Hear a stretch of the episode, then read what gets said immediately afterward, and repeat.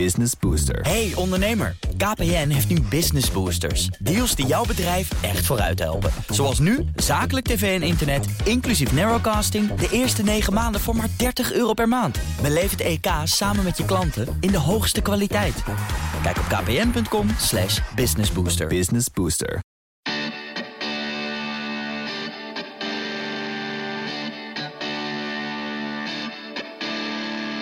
Woon-werkverkeer in de anderhalve meter samenleving. Hoe ziet dat eruit?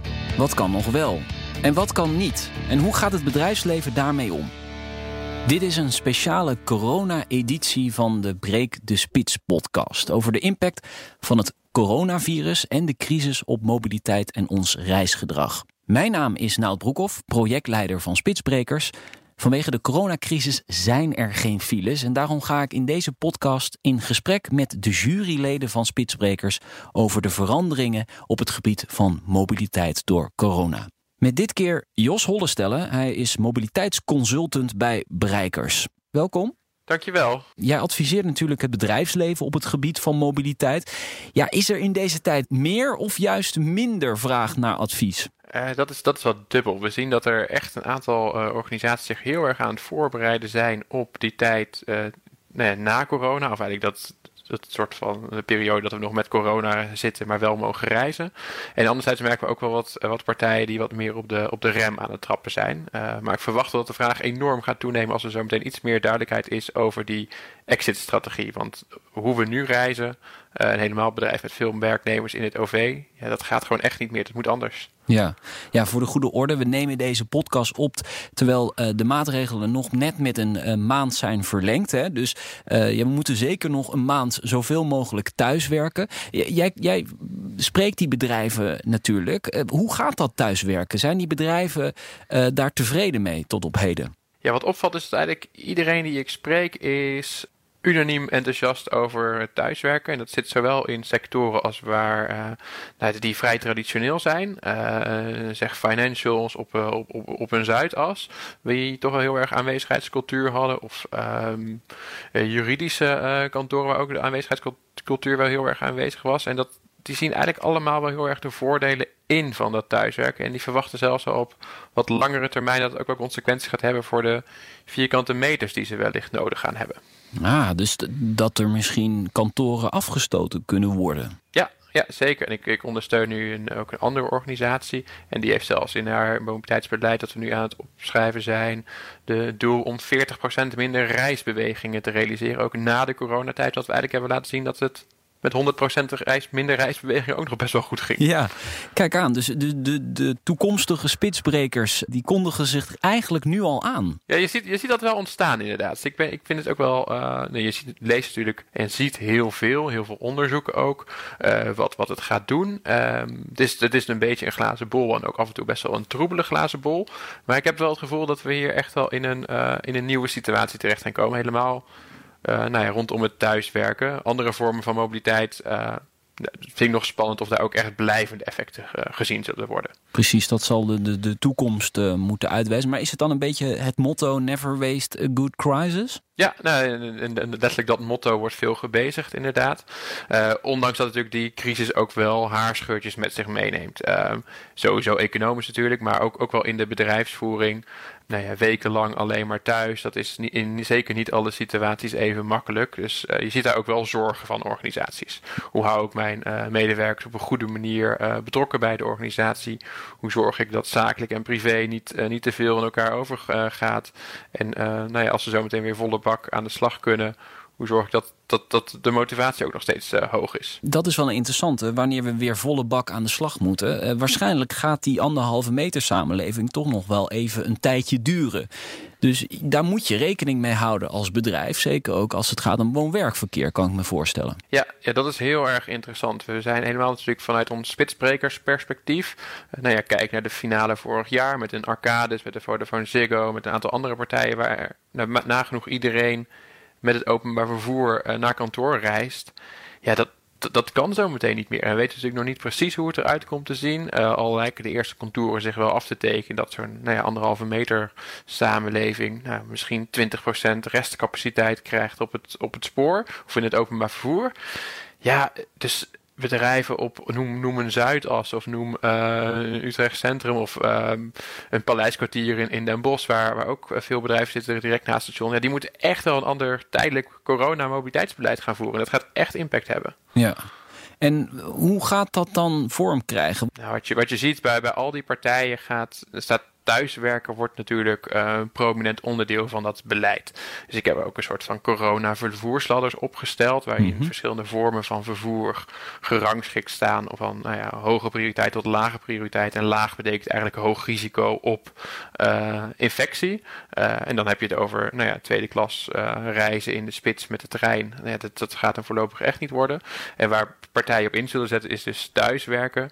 Dat zal zijn het stimuleren van fietsgebruik. Dat zien we natuurlijk nu ook in allerlei gemeentes die zich daarop aan het voorbereiden zijn. Want ook nee, dat, dat fietsnetwerk zal beter worden uh, gebruikt en tot overcapaciteit gaan, uh, vraag gaan leiden. Helemaal in, ook in zo'n anderhalve meter samenleving. En wat nog best wel de puzzel wordt, is dat we nou ja, dat OV leuk thuiswerken. Maar dat kun je natuurlijk niet een jaar lang vol gaan houden iedere dag. De fiets, leuk. Maar de mensen die in het OV zitten, die reizen, zien we bij de bedrijven die ik ondersteun, gemiddeld zo'n 40 kilometer op een dag. Ja, mhm.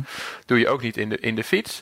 Dus ik, ik ben ook wel benieuwd naar wat voor andere vormen van vervoer daar gaan ontstaan. En wellicht dat er uh, short lease constructies gaan komen voor medewerkers die afhankelijk zijn van eh, OV, zelf geen auto hebben en die, ja, waarvan de werkgever toch ergens in, in zo'n gat gaat springen.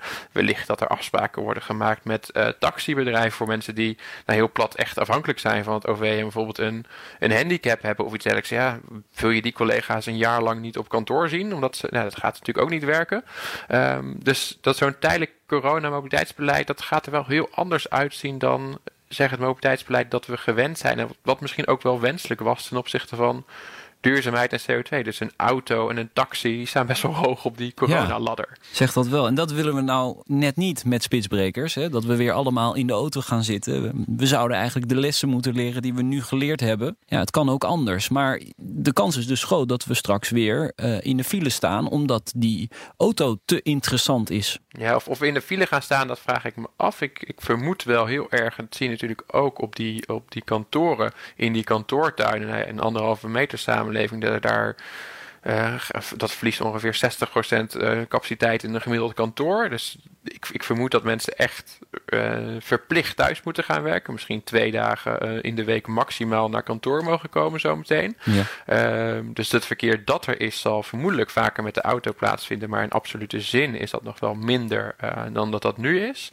Um, en het is inderdaad interessant. Nou ja, dat je, je wil niet dat we een soort van nieuw gewoontegedrag aanleren dat we massaal in die auto gaan zitten. Want dan als we weer die vier of vijf dagen gaan reizen, uh, dat het opeens massaal in die auto is. Dus ik, ik, ben ook wel benieuwd hoe, we, hoe partijen daarmee omgaan. En nou ja, ik, ik zie ook wel mooie signalen. Ik zie echt ook wel grote partijen heel erg inzetten op fiets, maar ook wel speed pedelecs. Dus eh, zegt die e-, elektrische fiets die met 45 km per uur uh, langs je oren suizen. Nou, Dat zijn juist ook wel dingen die mooi kunnen op zo'n afstand van zo'n 30, misschien wel 40 kilometer. Uh, en wat natuurlijk een hele mooie duurzame vorm van vervoer is. Dus dat soort vormen van vervoer die worden denk ik uh, nog populairder de komende tijd. Ja, en, en daar zul je dus in moeten investeren als bedrijf ook. Kan ik me zo voorstellen. Als je wil dat de uh, werknemers gaan veranderen, hè, een reisgedrag gaan aanpassen, ook echt voor de lange termijn, dan, dan moet je daar als bedrijf ook zelf op in gaan zetten natuurlijk. Ja, je moet echt een actief beleid gaan voeren als organisatie.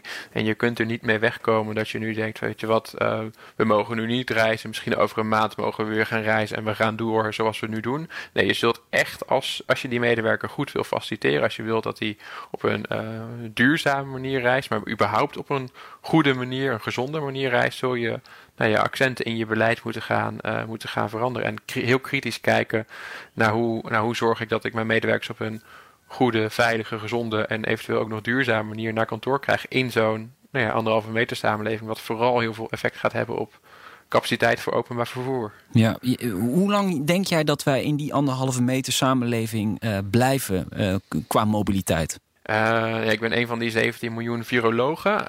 en ik, ik, ik, ik, ga maar af op uh, nou, zo'n outbreak management team en wat ik daarvan lees. Dus die de regering adviseert is dat, we, nou, dat dat echt wel een periode van een jaar, anderhalf jaar uh, zo gaat zijn. Zo. Um, met alle onzekerheid die daar ook nog aan vastzit natuurlijk. Um, maar het is, het is niet iets wat, wat je een paar weken, maanden gaat doen. Nee, dat is echt wel nou ja, voor, voor een, een, een middellange termijn en ook, daarom ook wel waard om aan de voorkant heel goed te gaan kijken.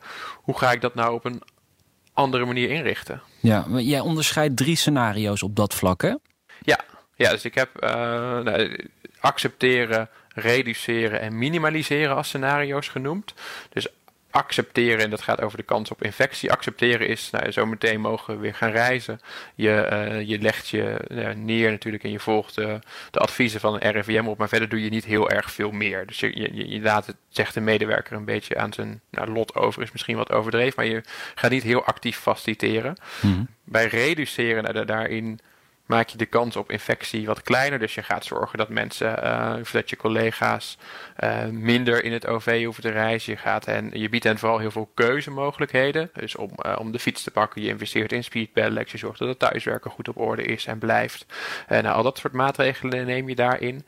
En het minimaliseren, daarin zeg je echt van... Nou, wij als werkgever vinden, accepteren eigenlijk niet het verhoogde risico... dat je als medewerker hebt door het reizen met de trein. En we verbieden nou, iedere vorm van openbaar vervoer. Minimaliseer je het infectierisico, maar dat geeft natuurlijk echt consequenties, omdat er nou eenmaal medewerkers zijn die afhankelijk zijn van het openbaar vervoer. En daar zul je dus echt, nou, dan kom je dus met oplossingen als misschien één keer in de week dat er een taxi is voor een, voor een medewerker die zelf geen auto heeft en wel naar kantoor moet en te ver woont om te fietsen. Uh, je investeert wellicht in, uh, in deelauto's uh, die je medewerker kan gebruiken, die in zijn omgeving staan, zodat hij af en toe een keer met de auto kan komen naar het werk. Je, je zet heel erg actief in op, op speed pedelecs en andere vormen van elektrische fietsen en gewone fietsen. Dus daar ga je wel heel ver. Dus daarin voorzie je de medewerker van heel veel faciliteiten vanuit de gedachte, nou ja, we willen echt dat, dat risico minimaliseren. En ik ik zelf verwacht ook wel dat heel veel partijen voor dat laatste scenario gaan kiezen. Ja, waarom? Um, nou, ik, ik, sprak zelfs al voor dat de officiële um, nou, zeg, intelligente lockdown werd afgekondigd door een aantal bedrijven die al niet OV-reizenbeleid hadden, hadden ingevoerd. Dus een week voorafgaand aan wat, uh, wat Rutte afkondigde. Ja. Um, en, en ik verwacht ook wel een soort van Net, net als dat het nu taboe is om, uh, om naar buiten te gaan en in, in, in een groepje je te begeven en mensen bij je thuis uitnodigen. Terwijl het misschien nog wel een heel klein comité zou mogen. Maar ja, ik, ik verwacht dat werkgevers zometeen die hele schaarste, schaarste OV-capaciteit die er is, die vooral willen laten aan zeg, de mensen in de eh, vitale beroepssectoren mhm. als, zorgverleners en daar niet hun medewerkers in willen hebben. En ben je maatschappelijk verantwoorde organisatie, dan laat je die beperkte capaciteit aan mensen die daar echt van afhankelijk zijn. Dus eigenlijk het goede voorbeeld geven. Ja, en dat is heel raar. Dus het goede voorbeeld geven kan wel zijn dat je meer mensen in de auto krijgt. En dat, dat, die woorden rollen ook nog een beetje vreemd van mijn tong af. Want ik ben de laatste jaren vooral bezig geweest met het tegenovergestelde. Ja. Ja, daar zijn we je ook heel erg dankbaar voor. Maar we moeten natuurlijk wel realistisch zijn. Dus het, dat zou gewoon kunnen gebeuren natuurlijk, onderaan de streep. Ja, onderaan de streep verwacht ik dat het autogebruik uh, hoger zal zijn. Um, en, vooral ook wel uh, fietsgebruik en... Uh, nou ja, dus dat gaat echt wel consequenties hebben. En ik ben heel benieuwd dat het op lange termijn gaat doen. Of, en of mensen, nou ja, als je, als je eenmaal zeg een jaar lang met een auto hebt gereisd, of wellicht als een tweede auto hebt aangeschaft omdat je die nou nodig hebt voor je werk, ja, is de kans misschien een stuk kleiner dat je na dat jaar weer teruggaat dat OV in. Dus ik, ik verwacht ook wel langere termijn effecten van um, dat, dat tijdelijke, uh, nu zo gewenste gedrag, dat het over een aantal jaar uh, het belang van switchbrekers nog een stuk groter gaat worden. Oké, mooi. Um, ja, de laatste vraag aan de juryleden is altijd in deze podcast. Um, als we straks terug, terugkijken op deze periode, spreken we dan over een mobiliteit voor en een mobiliteit na de coronacrisis. Hoe zie jij dat? Ja, ja daar spreken we over. We, we, zien echt dat dat thuiswerken um, overal omarmd gaat worden. Dus dat, dat zal enorme impact hebben. Ik verwacht wel in de andere vormen van vervoer buiten dus dat tijdelijke coronamobiliteitsbeleid dat daar niet, geen aardverschuiving optreedt. Ik, ik, ik, geloof niet dat er nu opeens over drie jaar heel anders wordt tegen een auto wordt gekeken dan dat het nu het geval is of tegen een fiets. Um, maar vooral het, niet reizen en de mogelijkheden die we daar massaal voor hebben, dat, uh, dat wordt echt wel omarmd. Dank voor je inzichten. En ik eh, ben benieuwd hoe dat bedrijfsleven dit allemaal gaat inpassen de, de, de komende maanden. Want dat wordt nog wel een, uh, een hele opgave volgens mij. Ja, zeer zeker. Dus dat zijn interessante, interessante trajecten. Ik hoop dat het snel kan gaan. Uh, en ik heb ook wel het idee met alles wat er nu gebeurt, dat we ook wel heel goed zijn in veranderingen realiseren. Dus ik, uh, ik denk ook wel dat het snel kan gaan. Ja, precies. Onder druk wordt alles vloeibaar. Juist. Ja, dank Jos Hollesteller. Hij is eh, mobiliteitsconsultant bij Breikers. En veel succes. Dankjewel. Tot zover deze podcast. Meer afleveringen vind je op bnr.nl in de BNR-app, Apple Podcast of Spotify. Tot de volgende keer. Spitsbrekers wordt mede mogelijk gemaakt door ALD Automotive, ANWB Zakelijk en Gazelle e-bikes. Gazelle e-bikes. Ideaal voor woon-werkverkeer. Business Booster. Hey ondernemer, KPN heeft nu Business Boosters. Deals die jouw bedrijf echt vooruit helpen. Zoals nu, zakelijk tv en internet, inclusief narrowcasting... de eerste 9 maanden voor maar 30 euro per maand. Beleef het EK samen met je klanten in de hoogste kwaliteit. Kijk op kpn.com slash businessbooster. Business Booster.